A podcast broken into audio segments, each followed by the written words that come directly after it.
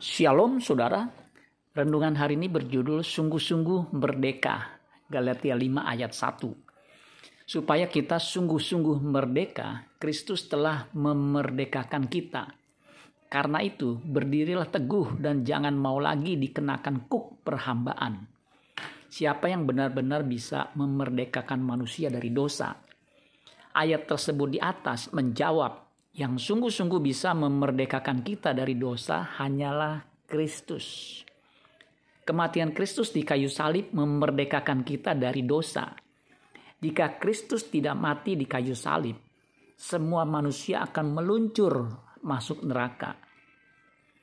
Yohanes 8 ayat 36 dikatakan, "Jadi apabila anak itu memerdekakan kamu, kamu pun benar-benar merdeka."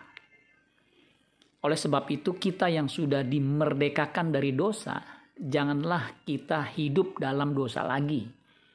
Galatia 5 ayat 13, saudara-saudara, memang kamu telah dipanggil untuk merdeka.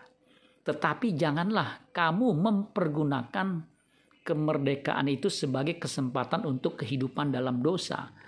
Melainkan layanilah seorang akan yang lain oleh kasih kita harus tinggal di dalam firman supaya kita benar-benar terus merdeka dari dosa.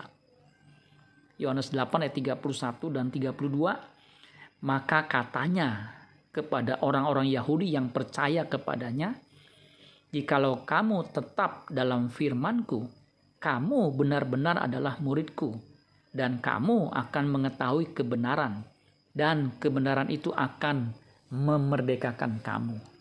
Amin buat firman Tuhan. Tuhan Yesus memberkati. Sola Gracia.